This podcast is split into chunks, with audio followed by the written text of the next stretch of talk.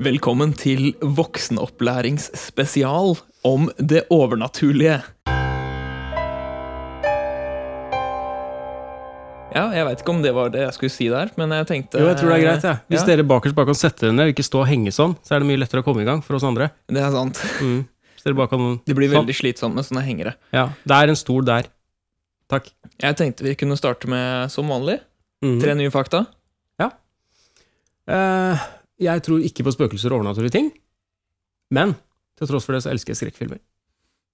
Ja. Mm. Så det er kanskje litt sånn selvmotsigende der, fordi at, at kanskje jeg ikke får noe ut av en skrekkfilm hvis jeg ikke tror på det den handler om, men det gjør jeg altså. Ja. Jeg tenkte kanskje det var for, fordi du ikke trodde på det, så likte du skrekkfilm. For da ble du ikke så redd. Nei, men jeg vil helst bli redd. Det er litt av greia med å se skrekkfilm. Jeg, jeg hater jump scares, men jeg vil gjerne at det skal være sånn, at det skal være sånn creepy. At det, ja. Ja. En annen ting, jeg danser ikke. Du danser ikke, nei? Nei, danser ikke. Jeg eier ikke rytme. Ikke en Så- alenedanser? Jeg er ikke en alenedanser. Eh, ikke engang i dusjen. Det var ikke en gråt eller dans i min dusj. Nei, dusjen din, den Det er ikke Det er ikke mye den får oppleve. Nei. nei. Stakkars dusj, tenker jeg. Ja. Eh, skal vi se, tredje fakta. Jeg het nesten Glenn. Du het nesten Glenn. Nesten Glenn. Men vet du hva? Jeg har hørt Altså, Glenn er jo Det er et navn. Ja. Eh, men jeg har hørt om et navn som heter Gleb, Ja. og det er ikke greit igjen. For det er, det er Glenn når han er forkjøla og introduserer seg selv. ja, du tror ikke det ville vært Gledd? Nei, det er Gleb. ok, det er Hei, jeg heter Gleb. Nei, mamma hadde tenkt å døpe meg Det sto mellom Glenn og muligens et par andre ting, men eh, det ble Jeg, jeg tror det ble sånn trekk lapp opp av en hatt-alternativ. Ja. Og det var sånn Nei, vi trekk en lapp til, da. Så, ja, Det er jo en fin måte å gjøre det på, da. Bare overlate ansvaret til noe annet Ja, det kunne vært verre. Det kunne vært sånn Kim Ronny. Det kunne vært Kim Ronny. Ja, Beklager er til deg, Kim Ronny, som sitter og hører der ute. Du har et veldig stygt navn. Har du tre nye fakta om deg selv? Ja, det har jeg. Eh, skjegget mitt, det vokser ikke på halsen min. Nei. Nei. Det er mitt. Altså, ikke på, ikke på din. Nei, skjegget ditt vokser ikke på min hals. Nei, nei. Nei, det gjør det ikke. Kun på min egen. Så det Eh, det er jeg glad for, for da slipper jeg å være en neckbeard. Eh, og for så vidt da slipper jeg også å ha skjegget ditt på min hals. Det hadde vært stress. Utrolig stress. Så det hadde vært veldig slitsomt. Og det hadde vært veldig frustrerende for meg, fordi hver gang jeg prøvde å gro fram skjegg, så hadde det havna på deg, og ikke meg. Ja, og så kanskje jeg hadde lyst til å ikke ha skjegg, da. Ja, Så plutselig hadde jeg fått masse av ditt skjegg hele tida. ja fordi jeg tok ikke hensyn til deg og dine ønsker. Ikke sant? Veldig behagelig for deg, og du slipper å barbere, Det er godt deg. ikke er siamesiske tvillinger, eller noe sånt. Sant? For det er sånn siamesiske tvillinger fungerer, har jeg hørt. Det tror jeg. Ja. Har du mer? Ja, jeg har mer, jeg. Jeg har visstnok visstnok veldig vinglete bein når jeg løper fort. Ja, du sliter med å gå, gjør du ikke? Du lurer på hvordan det går? Ja, det gjør jeg også. ja. Men når jeg løper fort, da Ja. tenker jeg jo ikke så mye på stilen. Men eh, jeg har hørt at eh, beina mine ser eh, ut som tilsvarende visper. Men løper du fort, du? da? Når ja. løper du fort? Eh, vet du hva, der, jeg har ikke løpt så mye fort i, min, i mitt voksne liv, Nei. men jeg var alltid en av de raskeste, om ikke den raskeste, eh, på, da jeg var yngre. Hvem var det som var etter deg da?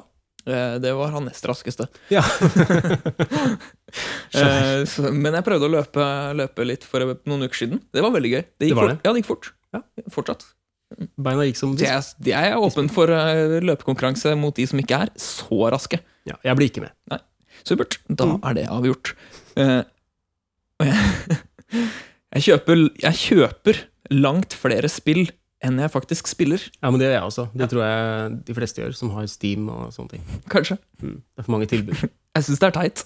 Ja, det er veldig teit. Men uh, altså, når det koster 20 kroner, da Du tenker eh, kommer sikkert til å spille en eller annen gang i framtida. Den gangen i framtida hvor du ikke har noe annet å gjøre, og du har fått deg hytte, og du, kan liksom, du har internett på hytta, og du har hele Steam-biblioteket ditt ferdig lasta du Bare bare regner det, liksom, og så kan du bare sette deg ned og spille. ja, kose deg. Ja. I tittel etter tittel. Spille fra start til slutt på hvert eneste spill, og bare fullføre. Det er idyllisk. Deilig. Ja.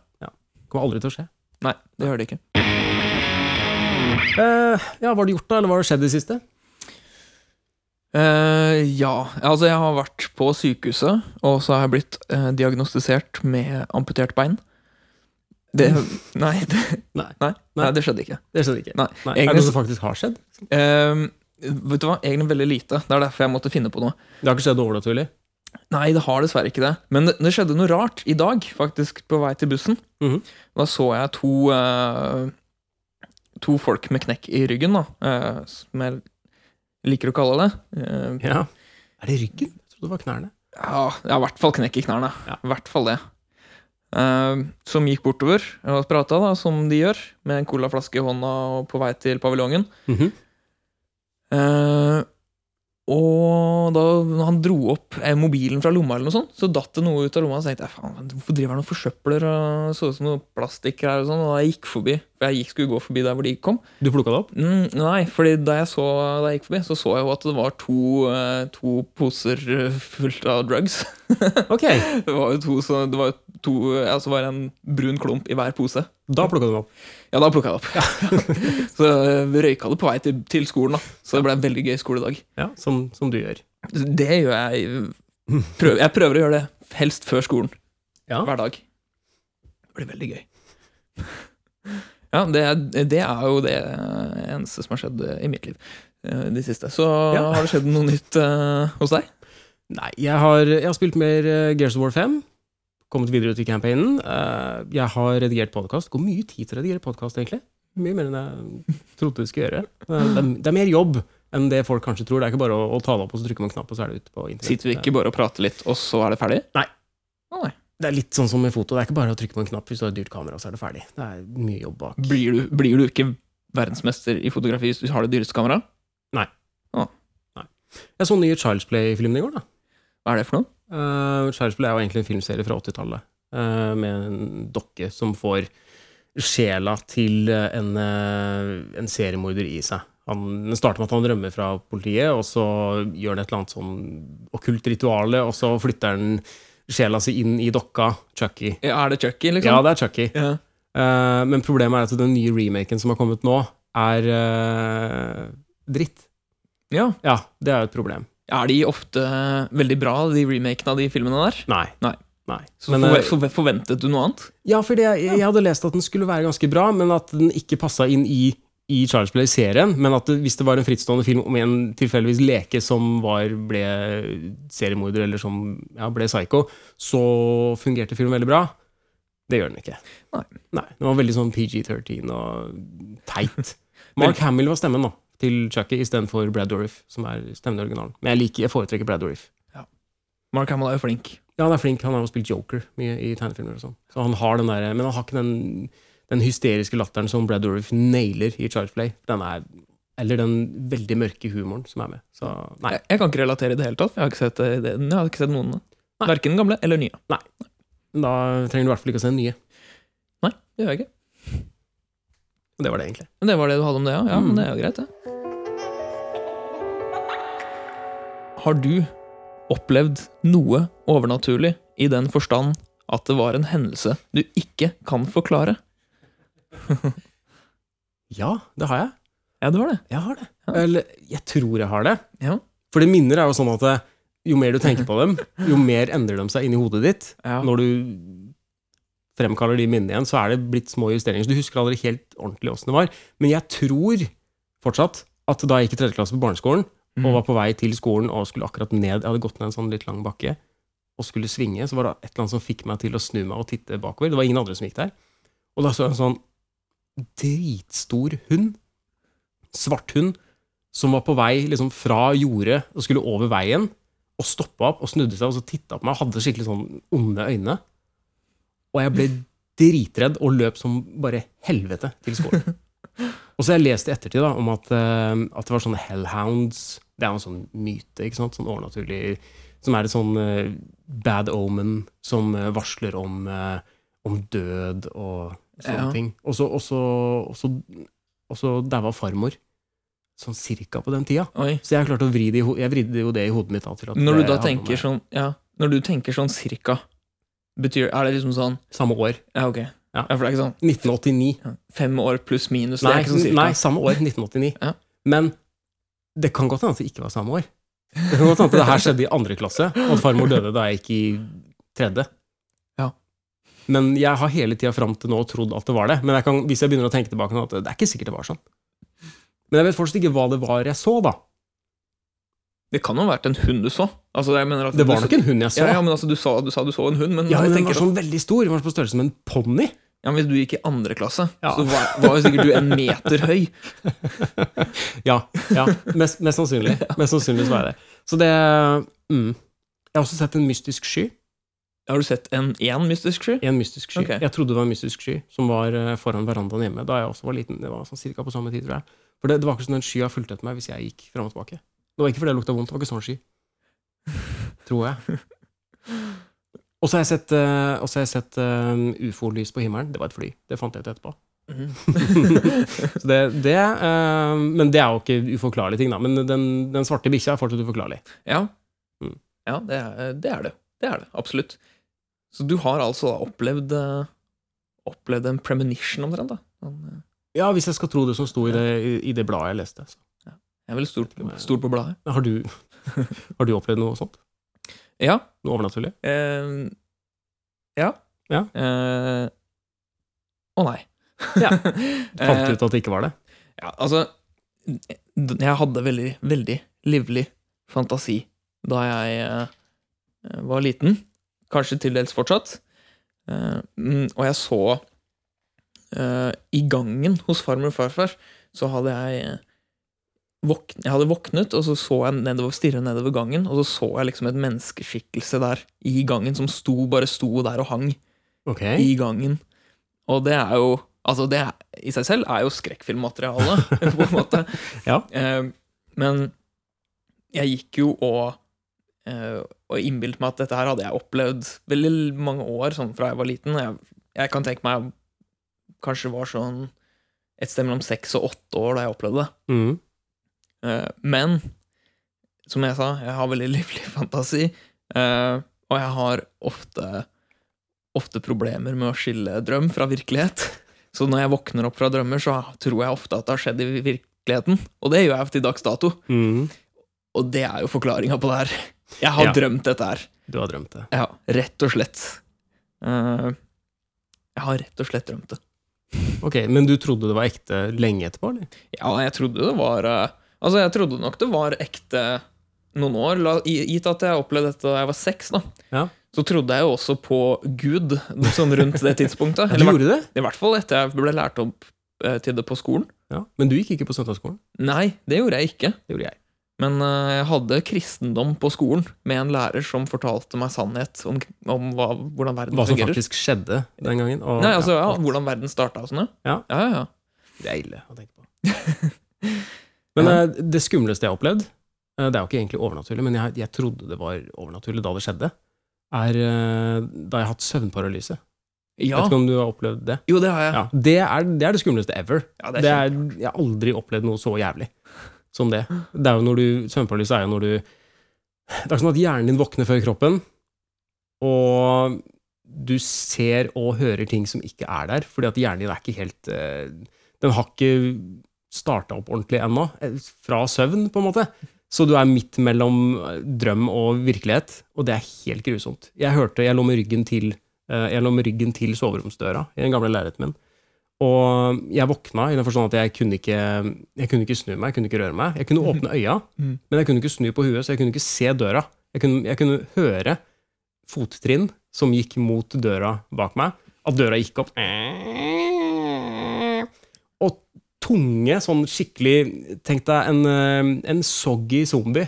Så litt, litt, litt tung fordi han er så hoven av vann og sånn, som kommer sånn labbende mot deg. Duff, nærmere og nærmere. og nærmere. Mm. Og du ligger der og du har lyst til å skrike, men du kan ikke skrike fordi du kan bare bevege øya og høre. Og det kommer nærmere og nærmere, og du merker liksom det er noe som henger over deg. Og så begynner du å dytte deg intenst i ryggen og lage en sånn sånn zombielyd. Og så våkner du og får endelig liksom vridd deg ut av situasjonen. Døra er lokka, og det er ingen der. Det er, den situasjonen der sitter fortsatt i meg, den opplevelsen. Det var helt grusomt. Men altså, søvnparalyse er jo én ting, men det andre i tillegg, kombinert med søvnparalyse, hørtes jo ganske grusomt ut. Ja, men det er jo ofte et element med, ved søvnparalyse at man opplever ting som ikke er der. Det er ofte at man ser liksom mørke skikkelser som er i rommet uten at de er der. Du opplever liksom at det er liksom demoner og sånn At det er noe ondskap, da, noen som vil skade deg. En eller annen Mm. mørk skikkelse. Det er veldig mange eh, Mange som har beskrevet det på den måten. Vet du årsaken til eh, hvorfor det skjer? Hvorfor søvnparalyse skjer? Nei, jeg antar at det er en flå, da. En sånn liten feil, en liten bug i systemet mitt som, uh, som gjør det. Det har skjedd to ganger. Eh, Andre gang var også jævlig. Ikke så jævlig at jeg husker det, jeg vet at det har skjedd. Mm. Men eh, Eh, nå må jo selvfølgelig folk korrigere meg hvis jeg tar feil på det her. ja, Men vi har tre lyttere. En av dem gjør det nok. sant? Ja, for vi mistet en forrige runde. Vi hadde fire. Vi hadde fire nå, vi tre. Ja, riktig. Eh, ja, men da kanskje vi går ned til to etter personen har roasta meg godt på internett. Mm. Det som skjer, eh, har jeg i hvert fall blitt fortalt eller lest om, vet ikke. Eh, det er det at eh, når du sover, så er det jo forskjellige søvnsykluser, ikke sant? Mhm. Og i da den tyngste rem-søvnen, eller hva det heter, Ja. så bruker man jo hjernen eh, intenst på å, på å kategorisere og sortere minner og hva skal jeg si, opprettholde hjernen. da. Ja. Men det som er greia, når- du har, når du har søvnparalyse, så våkner du midt på det tyngste stadiet. Og da er ikke egentlig kroppen i stand til å bruke kapasiteten sin til å styre kroppen. Men den, sånn, ja. ja, så den bruker bare all kapasitet til hjernen. Så derfor har du ikke mulighet til å styre, styre kroppen. Skjønner. Og det tar litt tid før du får om, redigert, eh, omdirigert den eh, kapasiteten da, til å få i gang sentralnervesystemet ditt. Mm, det høres jo logisk ut. De, jeg syns også det hørtes logisk ut. Og det er morsomt. Det som Morsomt ikke høres logisk ut, men som jeg trodde var greia. Mm. Jeg klarte, etter at jeg hadde opplevd dette her, å, å begynne å tenke litt sånn rundt det og innbille meg at eh, tenk, hvis, tenk hvis det er sånn at hjernen da er i en sånn tilstand at du klarer å oppfatte ting som er rundt deg, men som du vanligvis ikke opplever. da. Fordi hjernen din er ikke i akkurat Du er ikke, du er ikke liksom åpen nok. Hjernen din er ikke finjustert nok til at du klarer å så eksempel spøkelser, ånder og demoner og sånne ting. At du bare er i et sånn akkurat sånn mellomstadie som gjør at du klarer å plukke opp det som er der. Og at du da får muligheten til å oppleve det. Det skremte jo livet av meg. det jeg tenkte på. Ja, ja, ja. Shit, tenk om det er sånn. Jeg vet at det ikke er sånn. Men Tenk, eh, altså, da, nå, er, det hadde vært skummelt. nå er du langt inn i tinnfoliet hatt uh, Ja, eh, ja, veldig, veldig langt inn. Jeg har surra inn hele meg nå. Bare, du ser bare øya. Dette er jo herlig. Jeg likte den måten å tenke på. Det var gøy, Ja. egentlig. Men tenk hvis det hadde vært sånn. Hadde det skremt deg? Hadde det vært skummelt? Eh, Hvis det hadde vært sånn, det hadde vært ubehagelig. Men jeg er også sånn type som jeg reagerer ikke Jeg bryr meg ikke så veldig mye om bakterier og sånn. Det er jo på en måte usynlige Det vesener. er så smått. Det er veldig smått, men det er usynlige vesener vi ikke klarer å observere med øynene. Men de er overalt hele tida. Det Så det er jo på en måte like ekkelt. Eh, Jeg har forresten også en sånn eh, fakta, sånn biologisk faktating til, Ja. hvis jeg kan føye til. Vi er her for å lære. Ja, ikke sant? Vi er her for å lære. Så om det blir litt biologi eh, slash myter i det overnaturlige spesialepisoden, så blir det bare sånn. Ja, det går fint. Har du noen gang opplevd at du eksempel sitter eh, i sofaen Ofte. eh, Ja. Mm, litt eh, litt eh, trøtt, eh, og Mm. så eh, sovner du, og så våkner du midt i fallet omtrent. Og så bare bråvåkner, og så kjenner du det bare, Det svir nesten i hele kroppen, for du våkner så brått. Ja, Og at du opplever at du faller når du skal sovne. Ja, når du skal sovne sånn. ja, ja, ja. Mm. Flere ganger. Eh, jeg ble fortalt en gang, eh, og dette er helt sikkert bare myte, men det Mm. er veldig gøy hvis det stemmer. Og det er at kroppen er litt sånn usikker på hva som skjer når du sovner når du prøver å ikke sovne. Så den tror at du dør lite grann. Ja. Altså Den tror faktisk at du er på vei nå, dette, dette er ikke riktig, liksom. Den prøver å vekke deg. Ja, Så den sender ut bare sånn megamye adrenalin for å Det er litt creepy. deg. Ja, det er creepy, men det er kult.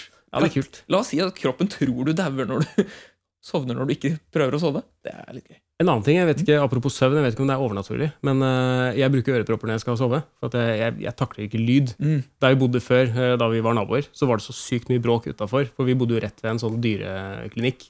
Det var mye bjeffing, ja, og så var det alltid en buss som sto på tomgang utafor fordi han skulle kjøre ut på veien. og sånn. Det var veldig mye, veldig mye bråk der.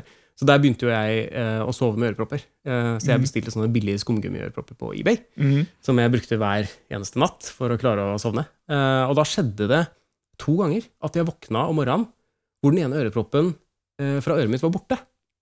Men jeg hadde den i munnen. Så det er ganske Det syns jeg er overnaturlig. For det er ingenting Jeg kan ikke huske å ha putta den i munnen. Så den ene, er, Jeg husker to ganger det skjedde. Den ene gangen så hadde jeg den ene i øret og den andre i munnen. Den andre gangen så hadde jeg bare den andre i munnen og ingen i øret. Og den, fant jeg aldri igjen. Så da mangla jeg en. Har du, har du spurt samboeren din? Ja, hun vet heller ikke hvor den var. Okay. vi har ikke, det, jeg mangler fortsatt på en måte én ørepropp. da. Jeg, jeg bare tenkte på den gangen det havna i munnen din. da, og Så hun, så hun står fortsatt fast for at det ikke er hun som stappa den inn i munnen din. Nå, nå spytta jeg ut Fishman's Friend min. Jeg vet ikke hvor den ble av. Nei. På gulvet. Skal bare kaste.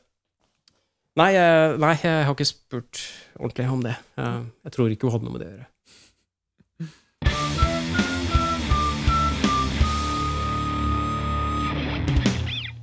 Var du redd for, eller var det noe som skremte deg med noe overnaturlig da du var liten? Ja. Mm. Vil du utdype? Ja. Det har jeg veldig lyst til å Ja, jeg har faktisk veldig lyst til å utdype. Ja. For dette, var ikke noe, dette er ikke noe sånn Det er ingen, ingen kjent overnaturlig ting. Nei, det Eh, tror jeg ikke det var for min del heller. Det, nei. det. Dette var et uh, Det var et litt abstrakt fenomen, og jeg vet, nå i voksen alder så vet jeg også hvor det stammer fra. Ok. Og det kan vi komme tilbake til. Mm. eh, litt, i hvert fall. Eh, for det, det pappa pleide å skremme meg med, det var at han pleide å si 'Lommeboka'! For jeg var livredd for lommeboka. ok. Lommeboka? Er det derfor du har angst for skatt og sånne ting nå, tror du? At Nei, det det- starta der? Nei, det tror jeg mer er fordi at jeg ikke har så mye å rutte med. Men hvorfor, hvorfor lommeboka skummel? Var det ordet i måten det ble sagt på? Nei, ja, altså, ja, det var, det var nok Kjøleskap! Ja, det, var, det, det bidro nok til at det var eh, skummelt at voksne kom bort til meg og sa 'Lommeboka!' Ja, en sånn Men det var bare han som gjorde det? Det var ikke, var ikke folk generelt? Nei, nei, jeg tror, jeg tror også onklene mine gjorde det litt. Da. Okay, så han det starta en greie som Ja, jeg, altså, jeg hadde også gjort det med mine nevøer, hvis jeg hadde sett, observert at broren min hadde gjort det med sønnen sin. liksom. Mm. For det er gøy. Men det, Ja, ja. det jeg innbilte meg Jeg så for meg en lommebok på høykant som fløy ca. sånn 30 cm over gulvet. Den var kanskje kanskje halvannen meter høy, da. Så Mhm. fløy den sånn 30 cm over gulvet, og så klappa den sammen sånn mens den fløy mot meg. Og det er ganske skummelt. Og den var jo rask. Jeg klarte ikke å løpe fra den. Det er ganske skummelt. Det er ganske skummelt. Uh, det er det Jeg har jo snakket litt med mamma om, eh, om det her, og Ja. det var visst- visstnok så var det en gang vi skulle på, på vinterferietur. okay. Så hadde pappa glemt lommeboka si hjemme. Og da var vi halvveis bort til den, eh, til eh, den hyttetingen vi skulle på. Mhm. Og da, det var nok litt dårlig stemning og var, eh, blei greier ut av det, så vi måtte kjøre tilbake og sånn. Så jeg tror kanskje det var årsaken at jeg var litt redd for lommeboka. Jeg merka at lommeboka, da det var snakk om den, så var det dårlig stemning. Nå var jeg redd. Jeg ble, jeg ble skremt med Even Benløs. Ja. Jeg vet fortsatt, den dag i dag, ikke hvem dette her er eller var. Men det var en som skulle komme og ta meg hvis jeg ikke oppførte meg pent. Og jeg antar at fra av navnet Even Benløs, så hadde han ikke bein, da. Nei, men hadde, er det sånn, tror du han hadde, ikke hadde, hadde bein? Hadde armer, tror jeg. At han kunne dra seg bortover. At det var litt sånn zombie At du, at du har en torso liksom, som bare sleper seg bortover. Sånn. Jeg så for meg en sånn klatt med, eh, med At den er beinløs, hele. At det er ikke noe skjelett. Riktig. Ja. Så det er litt mer sånn der, eh, jellyfish eh. Ja, det, Jeg har aldri sett den for meg sånn. Men jeg har heller ikke skjønt hvordan altså, Hvorfor skal jeg bry meg om en som er Hvis han er benløs Han vil jo ikke komme seg inn, han vil jo ikke rekke opp til Tror du det? Han rekker, det opp til, han rekker ikke opp til håndtaket på døra da? Hvis du ikke har bein? Du ligger på Nei, hvor langt blir Tror du det? Han, han har lange armer, da, men det Altså, sa ikke Hvis du har armen min, så tror jeg du rekker det. ja, ja, jeg tror Jeg så for meg at han var litt mindre ja, da, enn deg. Men det var en greie jeg ble skremt med. Jeg vet ikke, jeg, jeg var veldig redd for Even Benløs. Hvor liten så du, så du for deg at han var? Som en katt, liksom? Eller? som en litt, kanskje som en litt stor katt. Ja. Men, at, eh, men at bena hans var eh, sånn Jeg vet ikke. Jeg syns kanskje han plutselig ble litt skumlere når han var på størrelse med en katt. Ja, han var veldig liten. Ja. Men samtidig da var det enda vanskeligere for han å komme seg inn. da Med mindre han da skulle krype gjennom en katteluke eller et eller annet. Han kunne tatt deg mens du var ute, da. Ja, han kunne, ja, men jeg ble aldri skremt. Jeg fikk aldri høre at eh, han skulle komme og ta meg når jeg var ute. Det var bare hvis jeg var inne og ikke oppførte meg pent. Så en, en feiltakelse fra moren din der, da. Ja, det var dumt gjort. Ja. Jeg ble også skremt med Doktor Bang. Bang! Navnet tilsier at det her er en som enten jeg vet ikke, slår eller er et eller annet. Jeg vet ikke. Det er enda morsommere på engelsk. Doktor Doktor Bang. ja, I hvert fall hvis du er liten. Jeg tror faktisk det er den mest eh, kjente doktoren fra Langdong. Ja, jeg, har nå, jeg har nå skjønt i ettertid eh, Det tok meg ikke så forferdelig mange år som du kanskje skulle tro, men jeg har skjønt at det ikke var en ekte lege.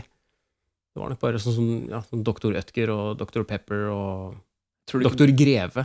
tror du ikke noen av de er ekte doktorer? Ingen av de. Jeg tror ingen av de er ekte leger. Ingen tror på. Ja. Så jeg tror heller ikke på doktor Bang. Og så er jeg redd for ungdommer.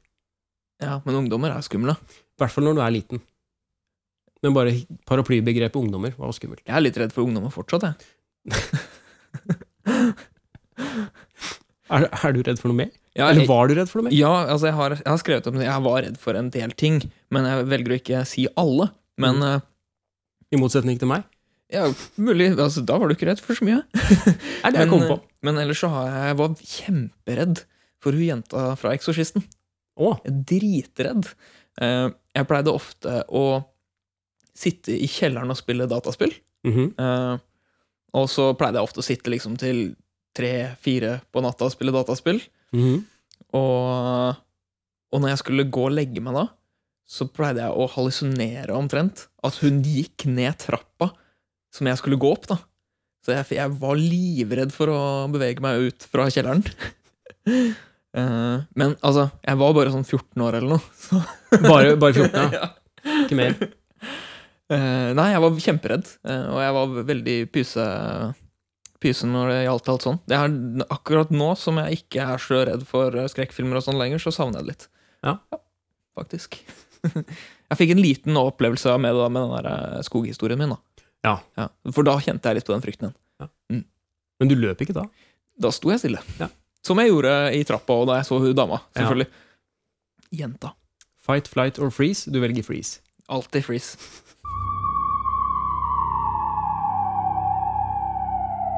Er det noen logiske brister ved overnaturlige ting som spøkelser, romvesener, demoner, monstre og lignende som du kommer på?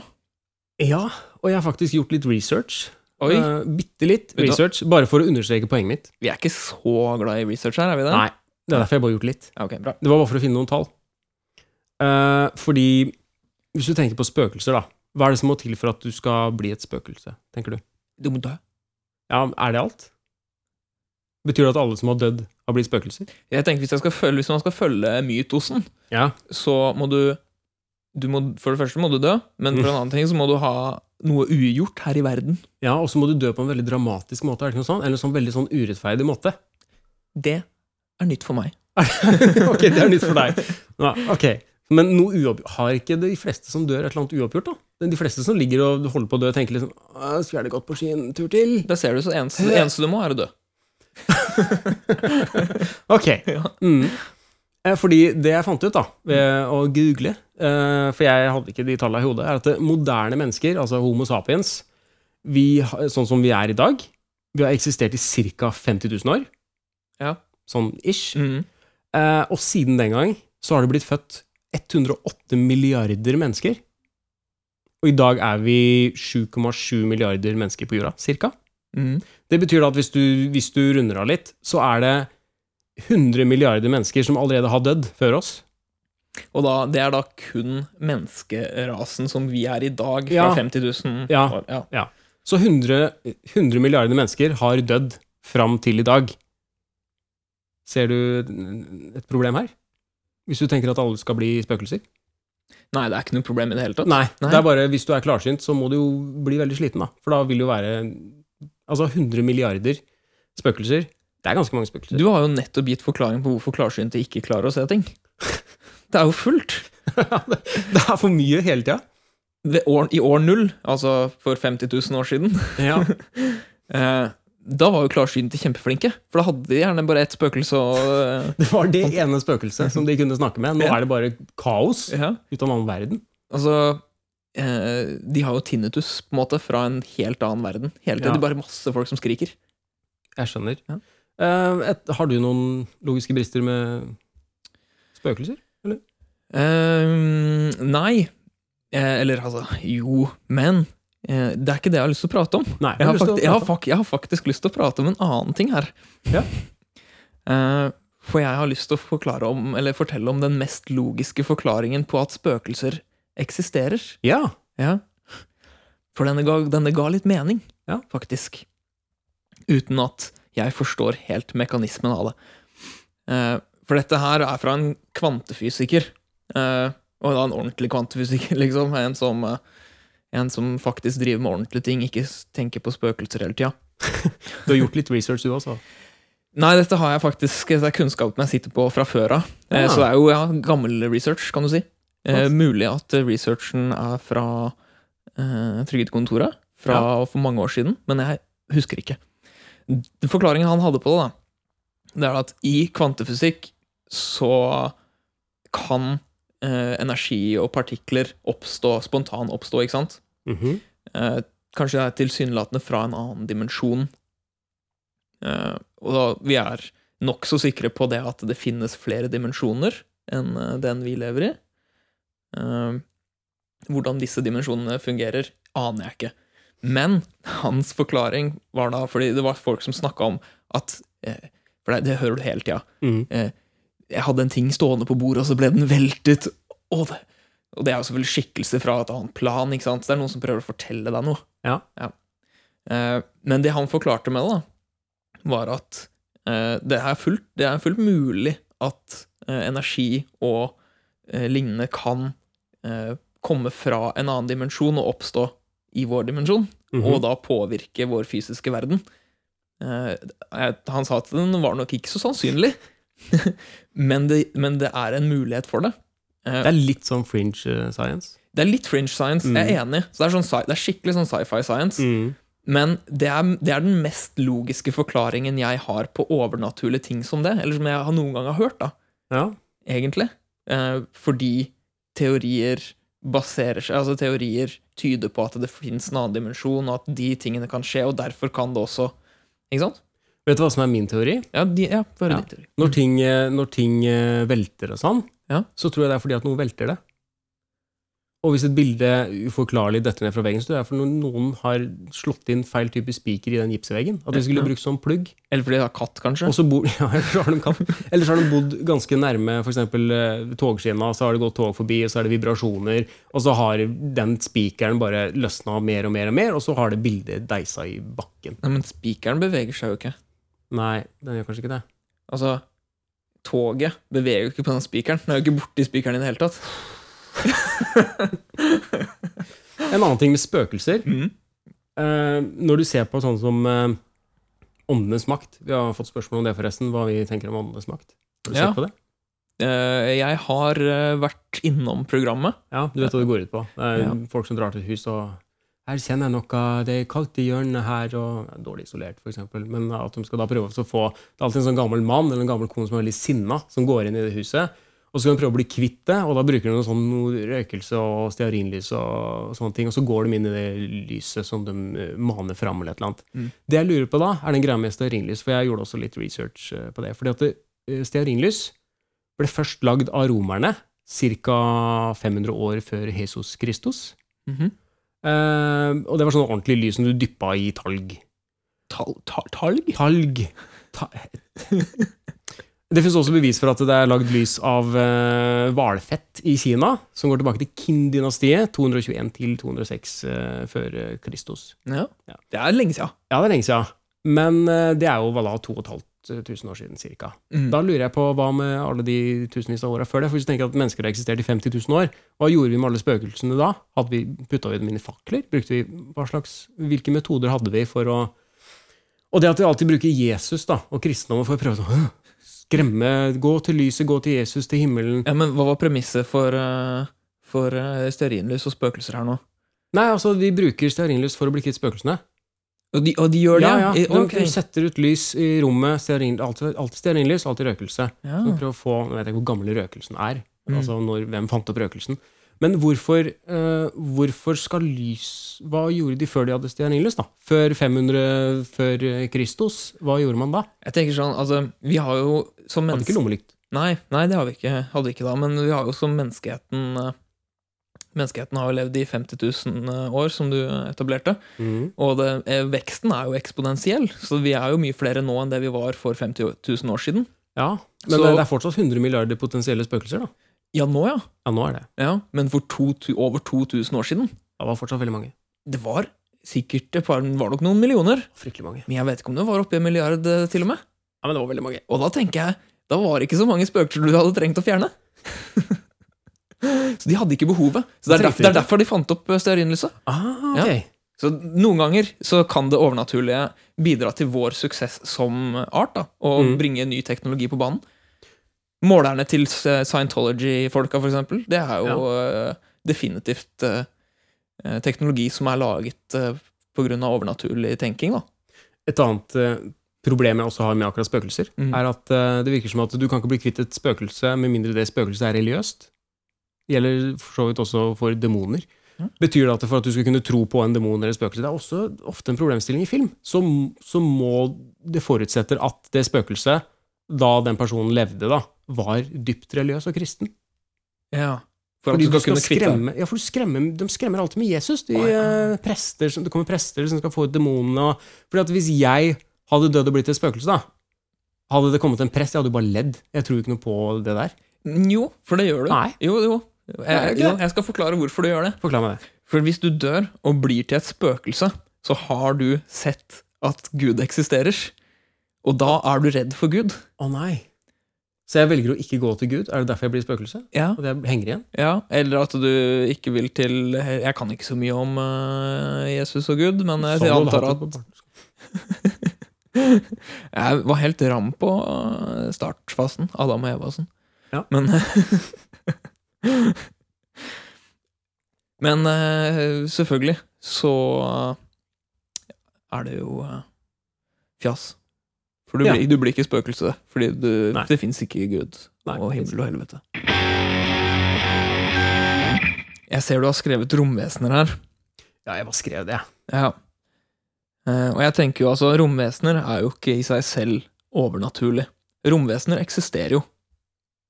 Eh, nei, altså, jeg er overbevist om det. da. Jeg nekter å tro det at vår planet er den eneste i den hele galakse at, uh, som har uh, levende vesener. Mm. Men der det begynner å bli gøy, er jo når uh, tinnfoliehattene tas på, og man finner, finner alle romvesenene som faktisk er på planet Jorden. Ja, Ja. de som er uh, reptiler og sånn. Blant annet reptil, eh, re, reptilbefolkningen, Mhm. som jeg har hørt sterke rykter om. Eh, Ja. Dette er hysj-hysj. Kanskje, jeg vet ikke. Ikke si eh, noen. At eh, Barack Obama, han er en reptil. Det tror jeg faktisk han er. Det har jeg sett bilde av. Det så litt manipulert ut, men jeg tror på det. Eh, har du en favorittfilm med overnaturlig tema? Eh, jeg har sikkert en favorittfilm med overnaturlig tema, Mm. men eh, jeg hadde litt jernteppe da jeg skulle, skulle komme på det. Mm. Men dette er en film jeg liker godt, altså. Ja. Eh, dette er, er filmen med Rihanna Keeves, eller Keanu Reeves, eh, som heter Konstantin. Å ja, den Ja. har jeg sett flere ganger. Ja, den liker jeg. Jeg syns Den er kul. Den er kul. Eh, jeg syns kanskje kanskje den var litt dum første gang jeg så den, og så har den fått mye negativ feedback, men jeg, liker den. Jeg liker veldig godt uh, Jeg har egentlig mange filmer som jeg kunne nevnt, men jeg liker The Thing fra 1981, den remaken til John Carpenter. Ja, Den er jeg veldig glad i. den er kul. Den, eh, det går kanskje ikke så veldig over, altså på det overnaturlige, men det er et så veldig kult konsept. Det at, eh, det at de finner noe i isen som har kommet fra verdensrommet for mange mange, mange år siden. Altså. Men den er jo litt lur òg, den. Ja, den er veldig lur. Ja, for der er det en sånn greie på slutten Ja. som eh, jeg aldri observerte, men som jeg har sett og lest om i senere tid. Er det spoiler alert, eller? Eh, jeg skal ikke si det. Nei, du Jeg skal si faktisk nei. ikke si hva den tingen er, men det er en ting som skjer på slutten, Ja. som sannsynligvis vil gå deg hus forbi, men som gir veldig mening. Eh, En ting som skjer på slutten, eller mot slutten, som ikke burde gå deg hus forbi, men som er veldig relevant for historien generelt, er at Kurt Russell stuper kråke. Det, det er ingen grunn til at eh, han skal stupe kråke i den scenen han gjør det i, men, han gjør det. Legg merke til det hvis du ser filmen neste gang. Han stuper kråke. Han hadde ikke trengt å stupe kråke der, men det er for å lage litt ekstra action i filmen, tenker jeg. Herlig. Eh, tommel opp, faktisk, for uh... Det er en veldig, veldig bra film. generelt. Jeg er veldig glad i den. Og også veldig kult soundtrack. Det er liksom bare du-du, du-du. Det er John Carpenter som har laget musikken sjøl. litt minimalistisk. eh. Veldig minimalistisk, men veldig effektivt. Ja. Lager en veldig kul stemning. Har du et uh, favorittspill med overnaturlig tema? Det har jeg. Jeg måtte tenke litt på det. fordi liksom, Hvilke overnaturlige spill jeg har spilt? Så begynte jeg å tenke på veldig mange sånne store titler som har kommet siste året. Sånn. Det er ikke så veldig overnaturlig. Det er ikke, jeg har ikke spilt så mye av det. Men uh, et som jeg husker veldig godt, er Silent Hill 2. Å, Ja, Det er jeg er såpass langt tilbake i tid, på en måte, til PlayStation 2. en ordentlig Det var- klassiker. Ja, det, For det er så skummelt og disturbing. Og det, er, det er et av de skikkelig skumle spillene som virkelig sitter i meg fortsatt. Det er noe med stemningen der som er uh, helt fantastisk. Silent Hill 1 til og med 4 er spill jeg elsker. Jeg er enig. Vanvittig kul stemning. Fireren, var det The Room? Ja, Det er The Room. Det ble jeg aldri ferdig med. Nei, jeg, jeg runda det faktisk. Ja. Uh, men jeg klarte det, det er faktisk spill jeg aldri klarte å spille aleine, for jeg blei for redd. Jeg er veldig glad i Silent Hill-serien generelt. Uh, Silent Hill 3 klarte faktisk å skremme meg veldig, det også. Fordi uh, jeg bodde i kollektiv på den tida, og jeg hadde surround-anlegg. Og det er et sted i det spillet hvor du hører at det er akkurat som noen løper i bare sokker. Sånn tuk, tuk, tuk, forbi deg. Og når du har surround-anlegg, så høres det ut som noen løper inn i veggen din. Og det jeg frika ut av det. Det var dritskummelt. Jeg tror ikke jeg burde skaffe meg surround-anlegg.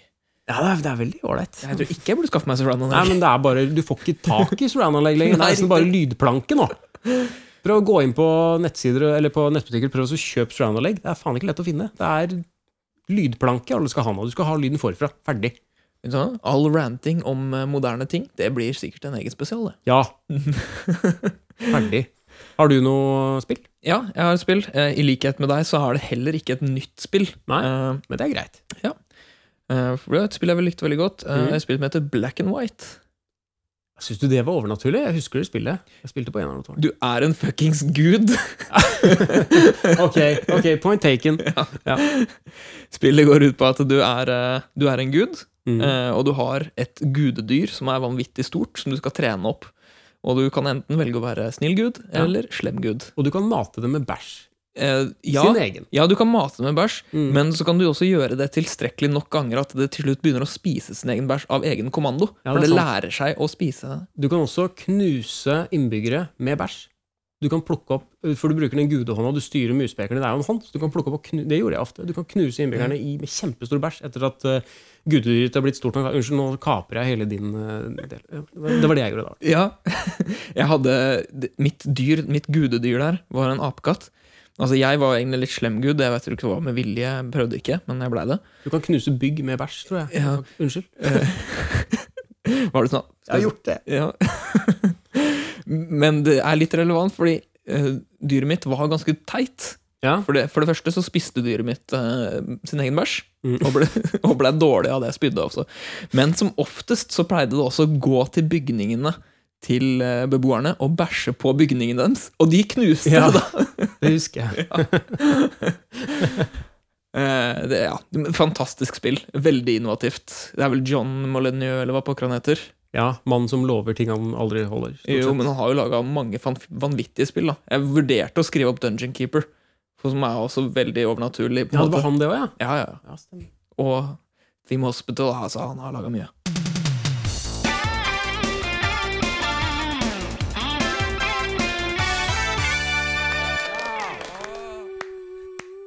Nye overnaturlige ke KT-konsepter Det er ikke det det heter. Nei, det er ikke det det, er ikke det det heter. Nye overnaturlige TV-konsepter. Ja. Ja. Eh, Jeg har lyst til å sk Jeg må skrive det ned igjen, jeg. For jeg syns jeg foretrekker det. Skal, skal, hvem skal ta først? Skal du, skal du ha mitt først, eller skal jeg ta ditt først? Mm, jeg kan ta ditt først, jeg. Ok. Mm. Hjerteskrømt. Ja. Hjerteskrømt. Hva tror du det er? Hjerteskrømt. Eh, jeg tror det er et uh, eh, Altså, det er Skrømt. Skrømt er jo et uh, er jo spøkelse. Ja, det er riktig. Det er Ja. helt riktig. Så opprinnelig så tenkte jeg kanskje hjerteskremt, at det handla om at man skulle skremme noen til at hjertet stoppet. Oi! Det, det hadde også vært et Det hadde vært programmet sitt. Mm. Men det er noe av det samme. Men det måtte gått på maks. Det går på maks, ja. Det er veldig uh, maskulint. Mm. Men dette her går på fem, fordi det handler om eh, spøkelser. Mm. Overnaturlige ting. Eh, og det, er, det går ut på det samme, bortsett fra at du får en skrømt til å legge hjertet ditt i stedet.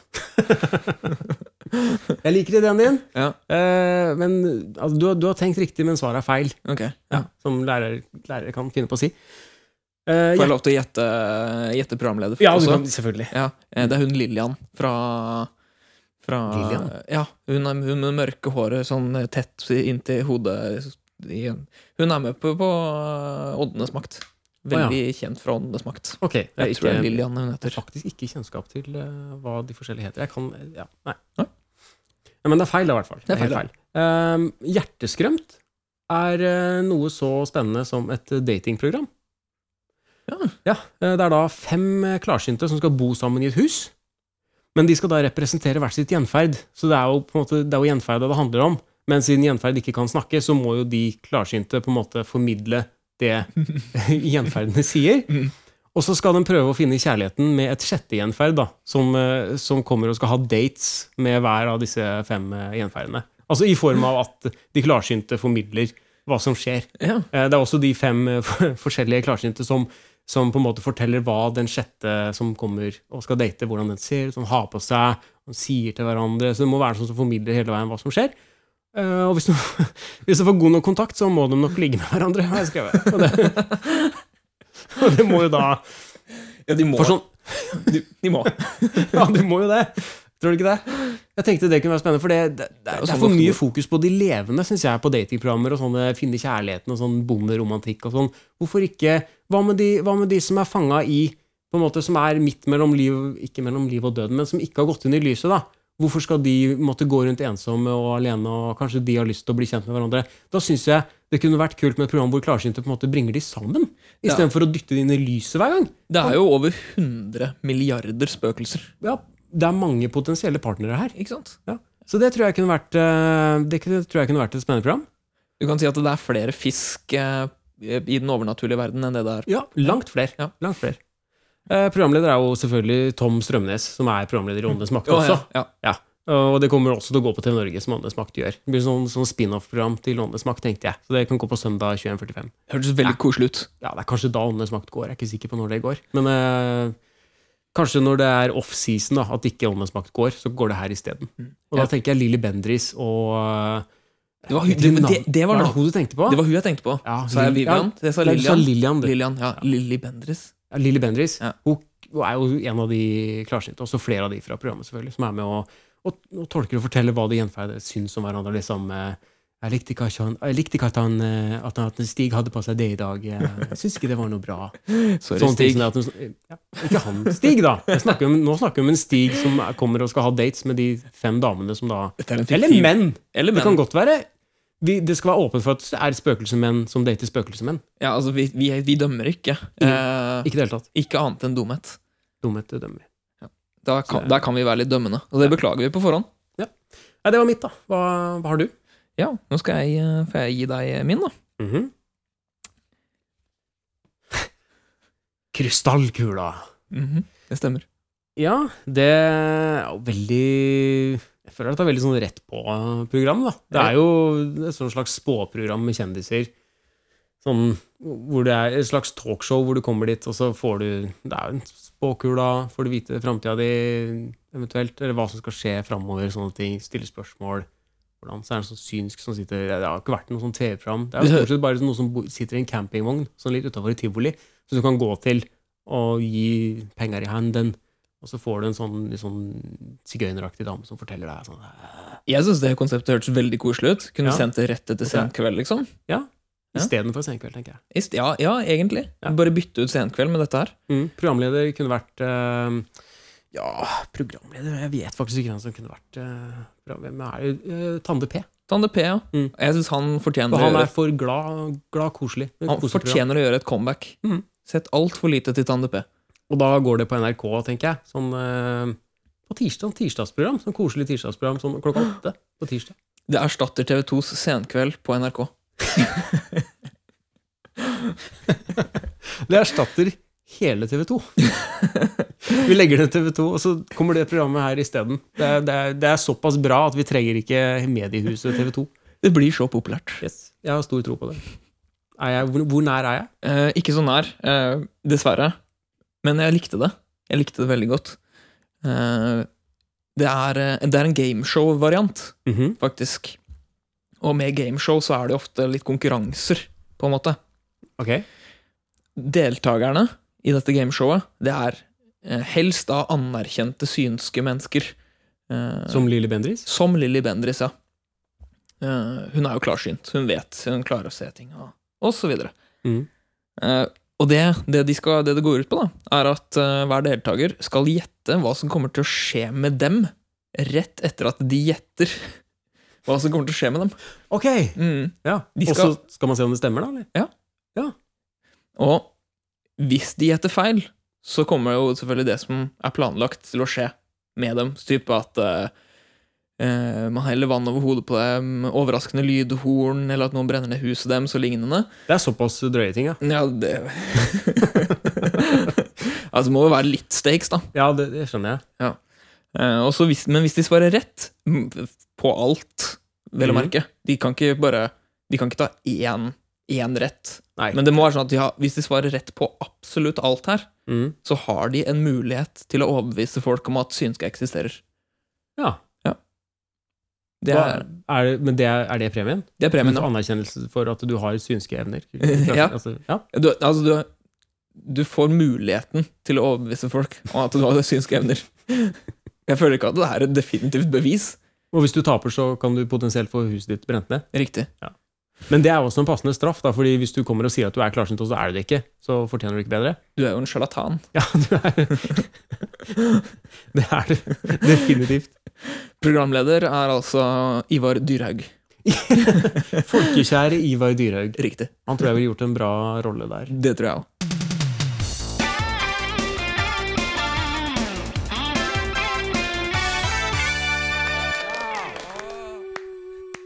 Vi har fått inn et spørsmål fra Per Christian, som lurer på hvor mange tacoingredienser må man ha i en lefse eller et skjell før det er taco? Og hvor setter vi streken på hva som er taco? Eller streken for hvor, hvor taco må det være for å være taco? Og eller, tenker han da hva må til for at vi skal kalle det taco, og hvor mye må man ta opp i for at det ikke skal være taco lenger? Mm. At du setter to grenser. Oh, ja. ja. Ja. fordi jeg, jeg tror ikke Fram, han fram til taco, og så forbi taco. Jeg tror ikke han tenkte forbi taco, men jeg syns det er interessant eh, å tenke på at det, det fins noe forbi taco også. Ja, for jeg tenker det må være et eh, intervall her. Mm. fram til eh, Hvis du har bare lefse, lompe, ikke noe oppi, det er ikke Mm. taco. Nei, det er ikke Så begynner du å putte ting oppi. Du putter Ja. oppi kjøttdeig, du putter oppi litt salat, du kan putte oppi tomat, rømme Der er jeg på taco. Nå er, jeg, nå er det taco for meg. Ok, ja. Salsa, kanskje. Da er, da er jeg taco. Trenger ikke mer enn det, egentlig. Og så kan du fylle på med mer, da. Du kan ha agurk, du kan ha ost. Eh, ananas går det an å ha oppi. Forskjellige sånne ting. Jeg prøvde jo rosin. jeg, jeg vil ikke det lenger. Nei, ikke sant? Jeg putter rosinene utafor nå. Utafor hva som er taco. Jeg Mm. vil ikke ha det med. Men hvis man begynner å putte for mye mer oppi det da Du kan putte oppi paprika, men hvis du går forbi det, så føler, da er det ikke taco lenger, tenker jeg. Mm. Hvis du begynner med dressing, Thousand Island-dressing, det er ikke taco for meg. Er det noen som gjør det òg? Ja, men det er ikke, jeg gjør ikke det. Det er ikke Jeg tror Altså, det Per Kristian kun har sett på, her, er jo den kvantitative. Jeg mm. tenker jo det kvalitative. ja. Altså En lefse med en riktig kjøtttype oppi, eller en beholder med en riktig kjøtttype oppi, det er taco. taco. Så et salatblad med digg eh, kjøttdeig som jeg syns kan smake litt taco, eh, med litt tacokrydder, det er taco. Syns jeg. Mm. Det starter der. Hvis du tenker omvendt, da, hvis du har en ferdig taco, mm. hvor mye kan du fjerne fra den, og at det er, det er fortsatt taco? Hvor mye kan du sitte igjen med på slutten? Og at det fortsatt er taco? Ja, det blir jo helt til du har beholderen og kjøttdeigen. er Eller det. kjøttet. Ja. Ja. Eh, jeg har kjøpt eh, et par tacovarianter, burritoer og sånn, eh, når jeg har vært i utlandet. Og som ofte så syns jeg de smaker som gryterett pakket inn i et eller annet. Og det syns ikke jeg er taco. Nei. De har masse ingredienser. Det er ikke noe godt. Men hvis en beholder med kjøtt er det eneste du krever for at det skal være taco, Mm.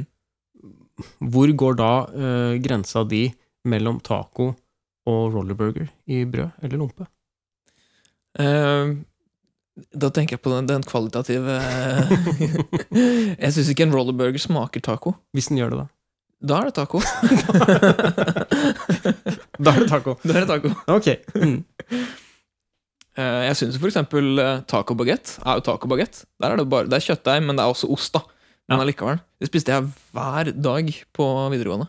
Jeg har spist taco grandiosa.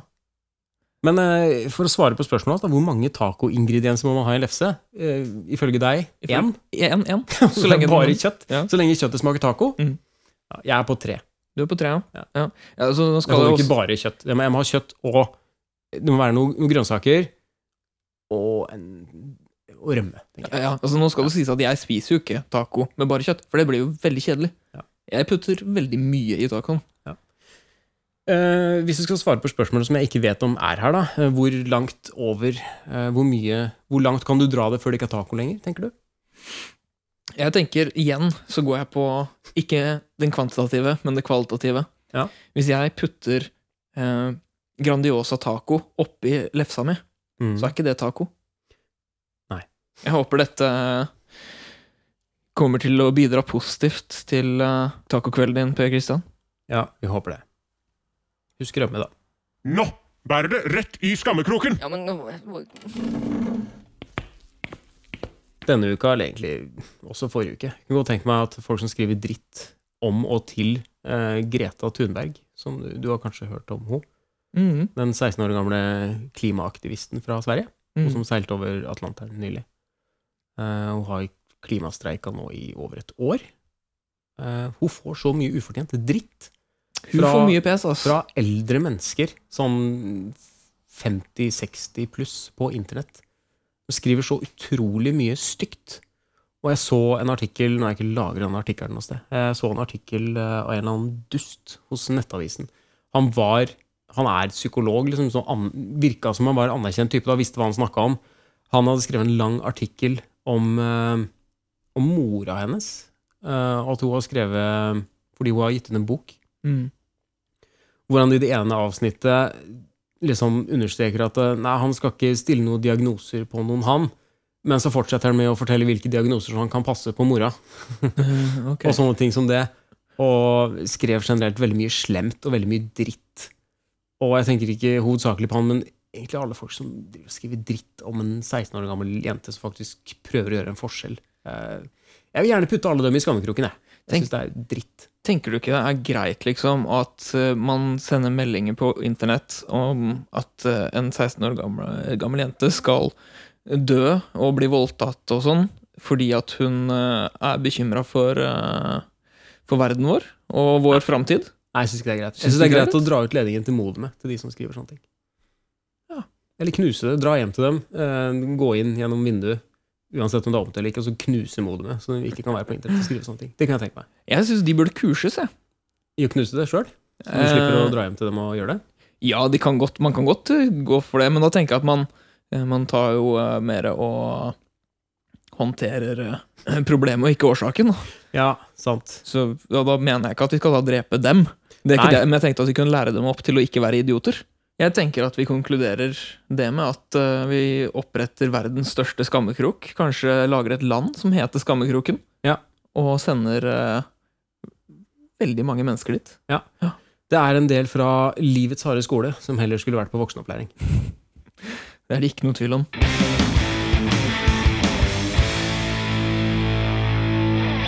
Hva har du lært siden sist? Jeg har lært at eh, John Travolta er ikke automatisk et eh, kvalitetsstempel når det gjelder film. Du trodde kanskje det var det? Mm, Fordi du kjenner jo til John Travolta. Uh, Scientologen John Travolta som spilte i var det Grease og litt sånn forskjellig. Face Off, kul film. Broken Arrow, relativt kul actionfilm. mhm. Mm, du tenker han Pulp Fiction, det er en kul film. Men tenker du, når du, når du tenker uh, Paul, uh, herr Hjørnevik, kursleder Hjørnevik, så tenker du Dette er en fyr som liker Grease. Nei, jeg tenker kanskje det, det er en kurs liksom sånn røff action. Litt sånn eh, testosteronfilmer, sånn pff, eksplosjoner og sånn. Nei, det. Nei, i hvert fall jeg så en film i går som het uh, The Fanatic. Uh, har du hørt om den? Mm, jeg er kjent. Jeg er kjent. Du er, du er kjent med den, men du har ikke sett den? Jeg har ikke sett den. Nei. uh, den hadde vel en uh, Jeg tror den hadde en metascore på 17 eller 19 eller et eller annet. Jeg tenkte at den kan ikke være så gæren. Det skal nevnes til de av dere som ikke vet det, at denne filmen er regissert av ingen ringere enn vokalisten i Limp Bizkit. Det visste jeg ikke! Nei. Nei, det visste jeg ikke. Uh, Jeg vet ikke om det skinner gjennom i filmen, men i hvert fall den filmen er, den er så håpløs. Du har John Travolta som går i en kjempestor uh, type hawaiiskjorte. Han har også en skjorte som har akkurat det samme mønsteret, sånn horrormønster, hvor det er liksom det er Dracula, Wolfman, The Mummy, sånne ting. Akkurat det samme mønsteret som er på et forkle som jeg kjøpte til Cecilie for mange år siden. Han har det mønsteret på skjorta si. Det var litt kult, da. Ja, jeg synes det hørtes litt ble litt sånn, nesten litt starstruck da jeg så det. Det hørtes litt kult ut. Ja, han har, eh, han har eh, lugg. Han har barbert håret på siden, og så har han litt sånn hockey nedover i nakken. Eh, og så har han vel også briller. Det skal sies at den sveisen er faktisk helt vanvittig kul. Altså ikke, ikke, ikke, kul, ikke kul som på John Travolta. Ikke så kul på en måte som at den er kul, men det bare, han ser ut som den drøyeste karakteren med den sveisen. Han ser helt idiot ut. Ja. Og han går uh, i filmen med en lilla ryggsekk på seg. Bare for å understreke at han her er på en eller annen måte mentalt handikappa.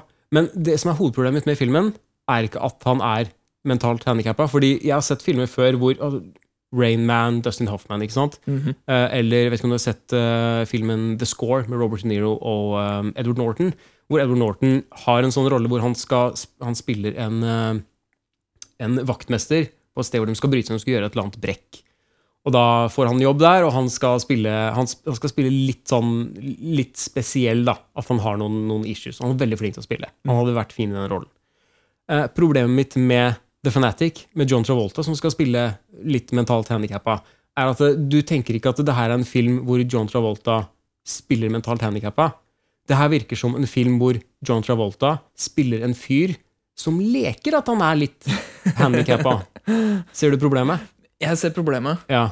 Sånn er det gjennom hele filmen. Det blir som en parodi. Det blir en som liksom skal Han driver og vugger veldig mye fram og tilbake når han sitter, når han går. Er sånn, han har sånne tantrums innimellom. Og det er forferdelig. Det har lært John Travolta. Ikke et kvalitetsstempel på film.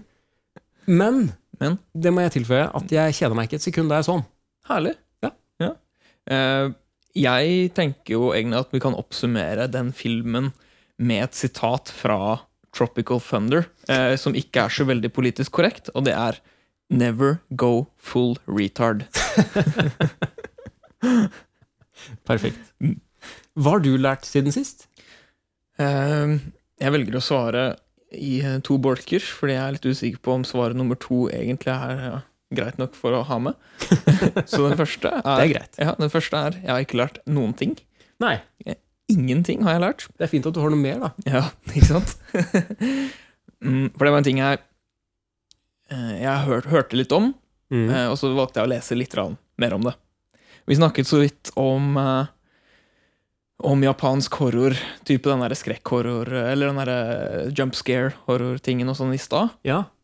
Uh, og da er det jo ofte den derre uh, The Grudge og The Ring og sånn. Mm. Uh, nå vet jeg, Den heter vel Ringu eller et eller annet på japansk. ja, stemmer. Det er jo to versjoner. Jeg har ikke sett noen av de japanske, jeg har sett de amerikanske.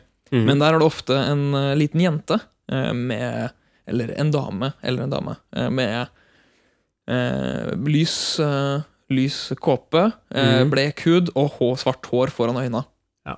Eh, det som blir fremstilt i den filmen, og det som er disse karakterene, er en japansk skikkelse som heter Onryu. Ja. Mhm. Eh, og det er eh, Det er på mange måter likt mytosen til spøkelsene våre, da. Som det du forklarte i stad, at det er hevngjerdig, f.eks., og det er noe ugjort og lignende. Ja. Eh, men de, har ikke, de onryoene de har ikke alltid sett ut som det, for de hadde egentlig det var, De kunne være hva som helst før i tida. Mhm. For den har, dette har eksistert, den myten her har eksistert lenge. Men det stammer eh, Det utseendet, spesifikke utseendet du ser i Ringu og Grudge, det stammer fra dansdrama. Eh, en dansdramavariant i Japan som heter kabuki. Det har jeg hørt om. Ja, ikke sant? Eh, som ble populært under Edo-perioden, visstnok, som eh, var rundt 16, eh, fra 1600-tallet til midten av 1800 1800-tallet. Så dette har, disse jentene Det er ikke da et populært fenomen som ble laget for disse skrekkfilmene. Det er en uh, ting som har eksistert i japansk kultur lenge. Onryu. Onryo fra Bukake, var det du sa? Ja, fra Bukake. Hverdagstips med Hans Petter og Pål. Og så utrolig praktisk med det tipset. Ja, Har du et uh, hverdagstips? Det har jeg. Hvis du hopper over kumlokk, kun går på de hvite stripene på overgangsfelt, Ja. spytter tre ganger dersom du ser en katt krysse veien, ja. så kommer det ikke til å gjøre en dritt annerledes i livet ditt. Nei. Det er mitt hverdagstips. Det er veldig kjekt å vite. Jeg, eh, jeg fikk alltid høre det før at liksom, eh, det er uflaks og og det er ulykke å tråkke på kumlokk. Mhm. Men jeg tenker det er bare kjipt hvis det kumlokket er løst og av en eller annen grunn at du ramler nedi. Men det er litt morsomt. Det er det den eneste risikoen. Det er litt morsomt, fordi årsaken til at det er uli betyr uh, ulykke å tråkke på kumlokk, er jo fordi det er forklaringen. Før så var ikke kumlokk designet slik at du ikke kunne falle ned ved dem. Nei. Så det var jo selvfølgelig ulykke å falle ned i kloakken. Det er kjedelig. Det er jo kjedelig. Ja, det Jeg har er, ikke lyst til det. Nei, det er stress. I hvert fall hvis du er på vei et sted og du har ikke tid til å ligge nede i kloakken i, i en halvtime og vente på at noen skal fiske deg opp, f.eks. Vet du hva som er nede i kloakken? Kloakk. Ja. Turtles. Ja, det òg. Og sånn sett så Og er splinter. Og Splinter. Sånn sett så har jeg litt lyst til å dra til klo- kloakken allikevel. Ja. Eh, jeg har, i, I Turtles så ser du ofte at de skateboarder rundt nedi kloakken. Mm. På- I de tubene og sånn. Skal vi prøve det? Det syns jeg vi burde. Er det hjemmeleksa? Nei. Jeg tror ikke det blir en hjemmelekse. Eh, har du noen hverdagstips? Ja, det er veldig kort og veldig enkelt. Bra. Ehm, og det er fordi eh, jeg har jo jeg har egne, jeg har egne løpesko, eller sånne gåtursko. Mm. Det er bare joggesko. Men uh, det er greit å få dem. Det gjør ikke noe om de blir litt møkkete, for det er ikke noe jeg går med til vanlig. Men jeg har ofte hatt et problem at uh, listen har gått opp. Ja. Så det her er et, et hverdagstips jeg har fått av min samboer Cecilie. Og har sagt ta dobbeltknute, da vel. det er bare hvor du tar Når du har, når du har knytet den løkka ferdig, så tar du bare de to løkkene, så lager du enda en knute.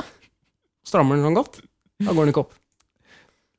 Så det er mitt Det er mitt hverdagstips. Ta dobbeltknute. Godt hverdagstips. Godt hverdagstips. Takk.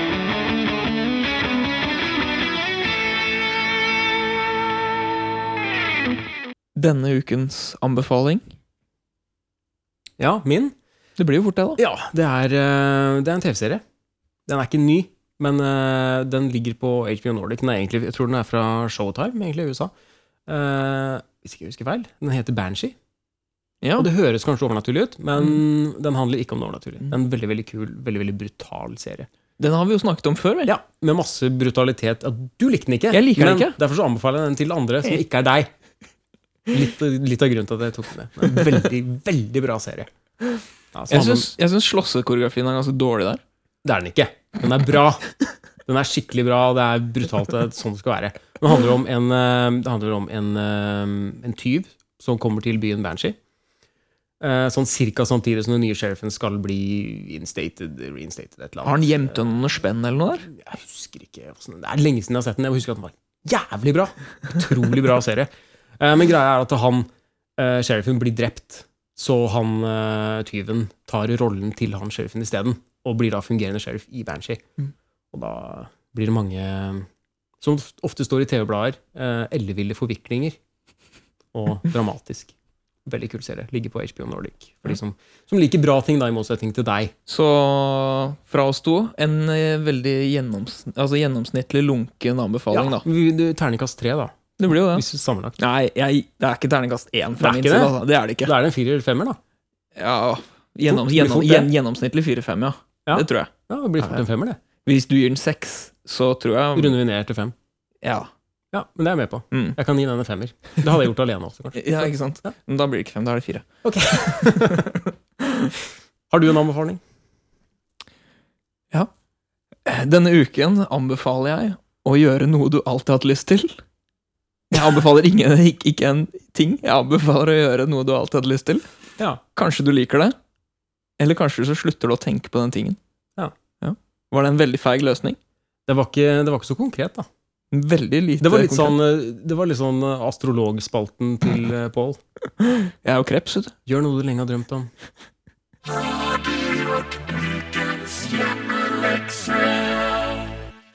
Ja, da har vi kommet til eh, ukas hjemmelekse. da. Har du gjort den? Jeg har gjort den. Ja. Har du gjort den? Jeg har gjort den. Ja. Den er ferdig, den.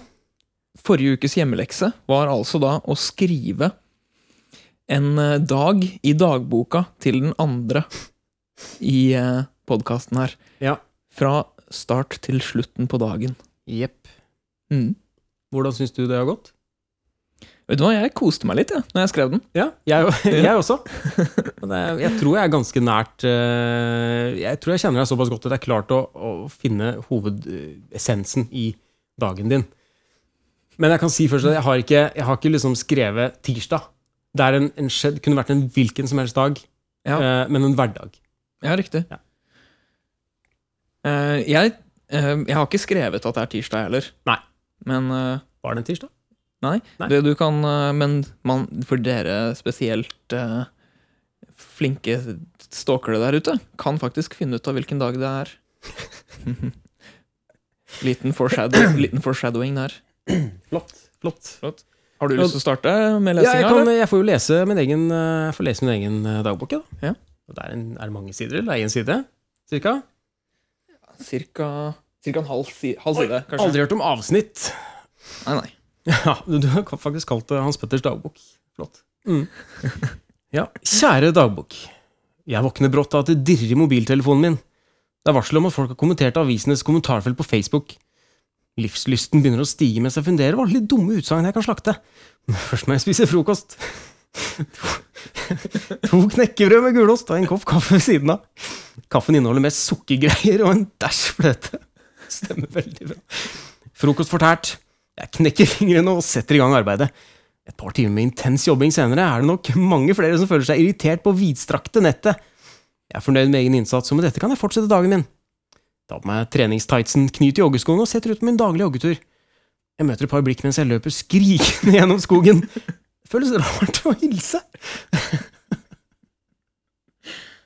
Det gjør det.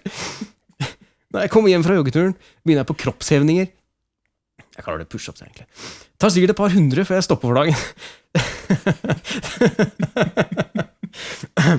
Tenker at jeg er veldig godt trent, og dette misunner nok eh, kursleder Hjørnevik veldig. Etter en lang dusj og lite oppmerksomhet fra pappa er Mefisto, katten min, rastløs. I stedet for hva et normalt menneske ville gjort i den situasjonen, så velger jeg å bygge en borg ut av spisebordet, sofaen og et sortiment pappbesker. Stua er helt snudd på hodet, men både Mefisto og jeg koser oss. Samboeren min kommer inn midt i lekeseksjonen og ler når hun ser oss. Dette gjør meg glad. Etter litt om og men blir hun også med på leken. Tiden flyr når man har det gøy. Plutselig er det middagstid, og det betyr film og snart kvelden. Jeg finner fram den filmen som ser dummest ut på BBCs strømmetjeneste, som kveldens middagsunderholdning. Filmen går mot slutten, og jeg kjenner at det er noe som gnager. En følelse av noe uferdig, noe ugjort. Jeg går inn på Facebook og ser at noen har svart på en av kommentarene mine. Koker sammen et svar som både er riktig, vanskelig å svare på, og irriterende på en og samme stund. Den gnagende følelsen av noe ugjort er borte. Jeg legger meg med god samvittighet og sovner som en stein. Dag 14.349, respektivt Hans Petter. Det var eh, Var det greit? Ja, det var, veldig det var nydelig. Jeg tror du har skrevet mye mer enn meg. Jeg har brukt noe som jeg lærte om i norsktimen som heter avsnitt, jeg har tatt mange av dem. Ja. Jeg tror vi er cirka på like mange ord, i hvert fall. Jeg kan uh, avsløre at ja, vi har akkurat på like mange ord. Seks ords forskjell eller noe. Ja. Kjære dagbok. I dag våknet jeg av at vokalisten fra kristengrunge-bandet vårt, Chicken Fillets, banket hardt på vinduet mitt og lo hysterisk av at han vekket meg før han syklet videre til jobb. Dette syns jeg er ugreit, for det har skjedd hver dag i to måneder. Teit gjort, egentlig. Kanskje jeg skal bli vokalist? Jeg kunne gjort det. Jeg kan synge, jeg også, faktisk. Kanskje jeg ikke er like flink nok? Jo da, jeg er jo det. Nei, jeg dropper det. Spiste kokosboller til frokost, siden kokos er det beste jeg vet. Tok en kiwi etterpå, for jeg liker å være litt, en litt crazy dude. Klødd i halsen som vanlig. Allergi, heter det, ass. Fant noen utrolig kule sokker på eBay med kiwi-motiv, som jeg bare måtte ha. Frukten, altså, ikke butikken. Selv om den er helt ålreit, den også. Tok bussen til skolen. Prøvde å se om, det, om noen andre på bussen hadde kule sokker, men jeg, det var nok jeg som hadde det. Forelesningene i dag var ganske kjedelige, så jeg tegnet litt mens jeg hørte på. Først tegnet jeg en glad sopp, så tegnet jeg en litt trist robot. Så tegnet jeg Fido Dildo åtte ganger. Alle ble utrolig fine. Tok bussen hjem fra skolen. Det satt en gutt der med veldig kule sokker. Litt irriterende. Gikk inn på eBay for å se om jeg fant noen som var enda kulere. Det gjorde jeg ikke. Drittgutt, tenkte jeg. Laget middag i dag som besto av kiwi-marinert kylling i kokosmelk. Spiste den mens jeg så på en YouTube-video. Jeg lo så hjertelig av at jeg pustet litt fort gjennom nesa et par ganger. La meg på sofaen og tegnet en glad soppmann til jeg sovnet. Våknet av at vokalisten i bandet vårt hamret på vinduene og lo høyt at han vekket meg igjen før han syklet videre hjem fra jobb. Satte meg ved PC-en og leste en trist artikkel om en hund med bare to bein og ett øye. Tok meg en dusj mens jeg tenkte på den stakkars hunden, og gråt ikke mer enn kanskje maks fire minutter. Så på en YouTube-video av Bob Ross og ble glad igjen, før jeg avsluttet kvelden med å sovne til en spilleliste bestående av ekornvideoer, Photoshop, tutorials og porno, da. Koseklems Pål. Hvor var, var nært, det. Jeg syns det var, det var virkelighetstro. Det var ikke noen tvil om det. Veldig irriterende at han hele tiden skal komme og banke på ruta. Det skjønner jeg. Men jeg skjønner det er gøy, da. Hjemme... Lemme, lemme, lemme. Hjemmeleksen neste gang har vi ikke diskutert, har vi det? Nei, jeg foreslo å teste et eh, skjønnhetsprodukt fra eBay, eventuelt. Det er ikke skjønnhetsprodukt, det er, eh, det er et produkt. Jeg tror vi tar og tester eh, produkt fra eBay. Skjønnhetsprodukt. vite hvilket produkt det er, da? Jeg vil gjerne vite hva det er for noe. Ja, kanskje fordelen med det er før du skal teste det. Hvor var det jeg gjorde av det? Hvor er det? Hvor er det? Glemte du å ta det med? Her er det. det er det. Her er det. Her er, det. Her er produktet. Nei, er det ingen eh, Ja, bruksanvisning står kun på kinesisk. Det gjør ikke noe. Nei, jeg kan kinesisk. Eh, det er jo en pakke til hver, da. Her, vær så god. Tusen, tusen takk. Ja. Mm. Og du lurer på hva det er? Ja. Ja, Du ser jo det på bildene, hva det er for noe. Ok, Hva viser bildene? Første Eh, bilde, øverste bilde, ja. er Det er eh, bilde av to føtter Ja. med en eh, ring av noe slag rundt hver store tå. Ja, er, ja helt mm. riktig. Og så ser du det runde bildet som er ringa inn der, under der. Hva ser du der? Det, ser jeg, det kan se ut som eh, Altså Egentlig så ser det ut som en påkledd, eh, et påkledd lår, for det er veldig, men det er, veldig, det er en ganske tynn dame. Kan Det se ut som. Ja. Og hun har på seg en litt større bukse enn det i den størrelsen hun er, så det Mhm. kan se ut som at hun er tynnere enn buksa. Altså Hun Ja. har kjøpt feil størrelse på buksa. da Riktig. Eventuelt Hva, at hun kanskje har slanket seg. og hvis du kombinerer de to tinga, forstår du hva, hva produktet er da? Fordi i produktet så er det jo også to uh, gummiringer, ser det ut som av noe slag. Ja, det er to tåringer. To tåringer, ja. Ja. Store Jeg tåringer. åpner, skal bare åpne min nå. Uh, så jeg antar at du skal putte disse på store, tåla, store tærne Begge dine, store tærne, ja. og så går du ned i vekt. Du går ned i vekt, ja. Ja. Det er, men vet du hvorfor? Det står, på, det står kanskje på kinesisk.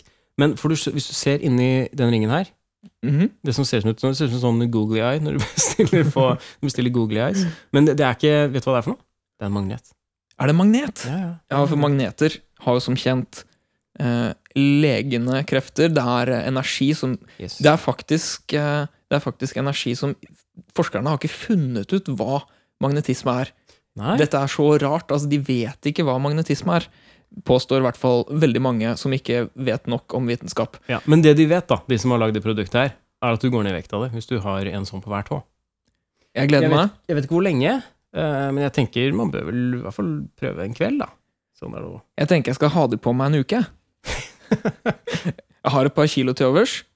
Ok, Ja, jeg skal, jeg skal prøve å bruke den så mye jeg kan, se om det har noe utslag på vekta. Det er, en, det er, sånn, det er bare sånn silikonringer, da.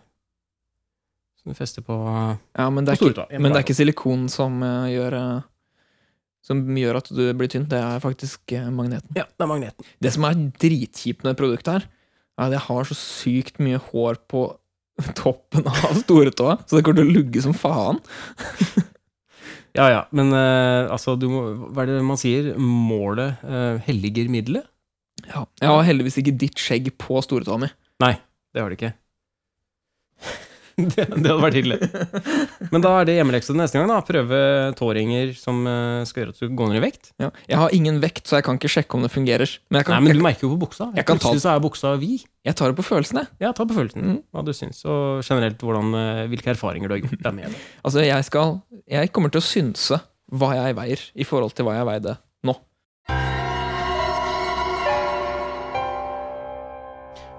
Eh, vi har fått spørsmål fra Mia. Jeg lurer på hva vi syns om åndenes makt. Det har vi egentlig snakka bitte litt om. Vi har snakket litt om åndenes makt. Mm. Uh, Men hva vi syns om det? Jeg syns det er noe forbanna tull. jeg syns faktisk uh, først og fremst at det er et ganske kjedelig program. Ja, Det er det. Uh, jeg tror det hadde vært kjempegøy dersom jeg trodde på det. Det er det nok. Ja, fordi jeg tror jeg har opplevd mennesker som tror litt på sånne ting, og syns det er litt artig. Mm. Det er akkurat det samme med, med Jesus. Det er mye morsommere hvis du tror på Jesus. ja, vi, altså, Hvis du først skal være med i menigheten. Jeg har jo vært i kirken et par ganger, Ja. og det er noen, eh, sikkert sånn 70 eh, som de ler hysterisk hele gudstjenesten, liksom. De oh. syns det er så gøy Ja. med Jesus. Ja. For det er jo gøy med Jesus når du tror på han. Det er veldig gøy. Ja, de, ler, de ler og de ler. Klarer nesten ikke å synge salmene. Det er stort sett da de slutter å le. da. Jeg syns det er veldig lite som skal til i åndenes makt for at noen syns det er noe mystisk. Trappa, trappa knirker litt. Ja vel, men det hender at trapper gjør. Mm. Hvis de er gamle. De overdramatiserer hele veien, liksom. Ja, og det skal veldig lite til for at noe er mystisk. Eh, sånn som folk har veldig lett for å koble sammen hendelser og prøve å få det til å være et eller annet eh, overnaturlig, mystisk osv. Vi har lett for å innbille oss ting. Vi har det.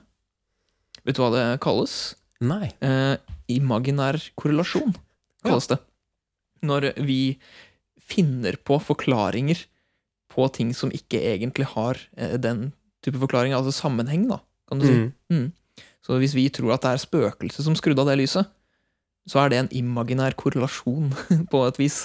Det er ofte også veldig mye mer spennende å tro på en forklaring som er mer interessant, da, enn det som er fakta. Ja, absolutt. For ja, det har vi nesten ikke Det har vi ikke pratet om i denne episoden, men det syns jeg faktisk er veldig relevant. Det burde vi jo tatt opp. Det burde vi absolutt tatt opp. Det er jo eh, kjempe En god historie er mye mer verdt enn fakta. Det er jo en grunn til at hoved eh, Altså De filmene jeg liker best å se på, er sci-fi og fantasy. Mm. og. Det er jo fordi det er jo en annen verden enn det jeg lever i. Jeg vil jo flykte. Mm. Så gudefolk flykter jo hele tiden Ja. Til eh, Gud og Jesus. Så det vi syns om åndenes makt, er eh, kjedelig. Jeg syns det er veldig kjedelig. Ja. Jeg syns det også er kynisk. For det gir de folka som er med, eh, en, en eller annen sånn falsk trygghet. Hva hvis den personen som tror det er et eller annet ondt i huset sitt, egentlig bare er, har det litt kjipt sjøl? Og har lett for å innbille seg ting? Hva hvis det er noe annet som ligger under overflaten, enn at det er en, en eller annen Det er fryktelig kraft? fryktelig kynisk da å eh, Å eh, utnytte dette menneskets eh, problemer på den måten. De burde tatt, eh, burde tatt tak i eh, helse, mentale helseproblemene til den personen. Ikke meld deg på Åndenes makt, gå heller til psykolog. Nå har vi spilt inn spesial. Første, vår første spesial, faktisk. Uh, hvordan syns du det gikk? Jeg syns det gikk greit. Ja. Neste blir, en, uh, blir vel en vanlig episode. Jeg tror kanskje det blir vanlig episode neste gang. Mhm. ja. Eh, og kom gjerne med tilbakemeldinger. Alt dere, alt dere fører for. Send oss gjerne litt hatmail, sånn at Ja. Hans Petter får oppfylt eh, suksessbehovet, suksesskravene, sånn, kriteriene, som det heter. Jeg trenger, jeg trenger bare én hatmail Men, eh, men jeg har hørt på litt andre, andre podkast i det siste, og jeg har satt meg et nytt mål. Da. Den nye ambisjonen min er å ikke være den dårligste podkasten. Hvis, jeg kan være- hvis vi kan være bedre enn den aller dårligste podkasten, Ja. så er det en suksess, det. Shit. Nå trodde, jeg trodde faktisk du skulle slenge shade. Nei. Nei. Nei, nei. Jeg, jeg, ingen nevnt, ingen glemt. Riktig. Eh, Så får dere gi tilbakemelding. Er vi den dårligste podkasten? Eller er vi ikke det? Angrer på at jeg planta den der. Ja, ikke sant? Men det var vel det vi hadde i dag. Det var det vi hadde. Så da um, håper jeg dere Nå er mulig døra er låst, for at vi ville passe på at ingen gikk før vi var ferdig. Ja. Jeg har bedt vaktmester om å ikke blokkere døra. Ja, det er fint. Det er fint. Så da kan, dere, da kan dere gå hjem, og så ses vi om en uke. Ha det bra. Ha det.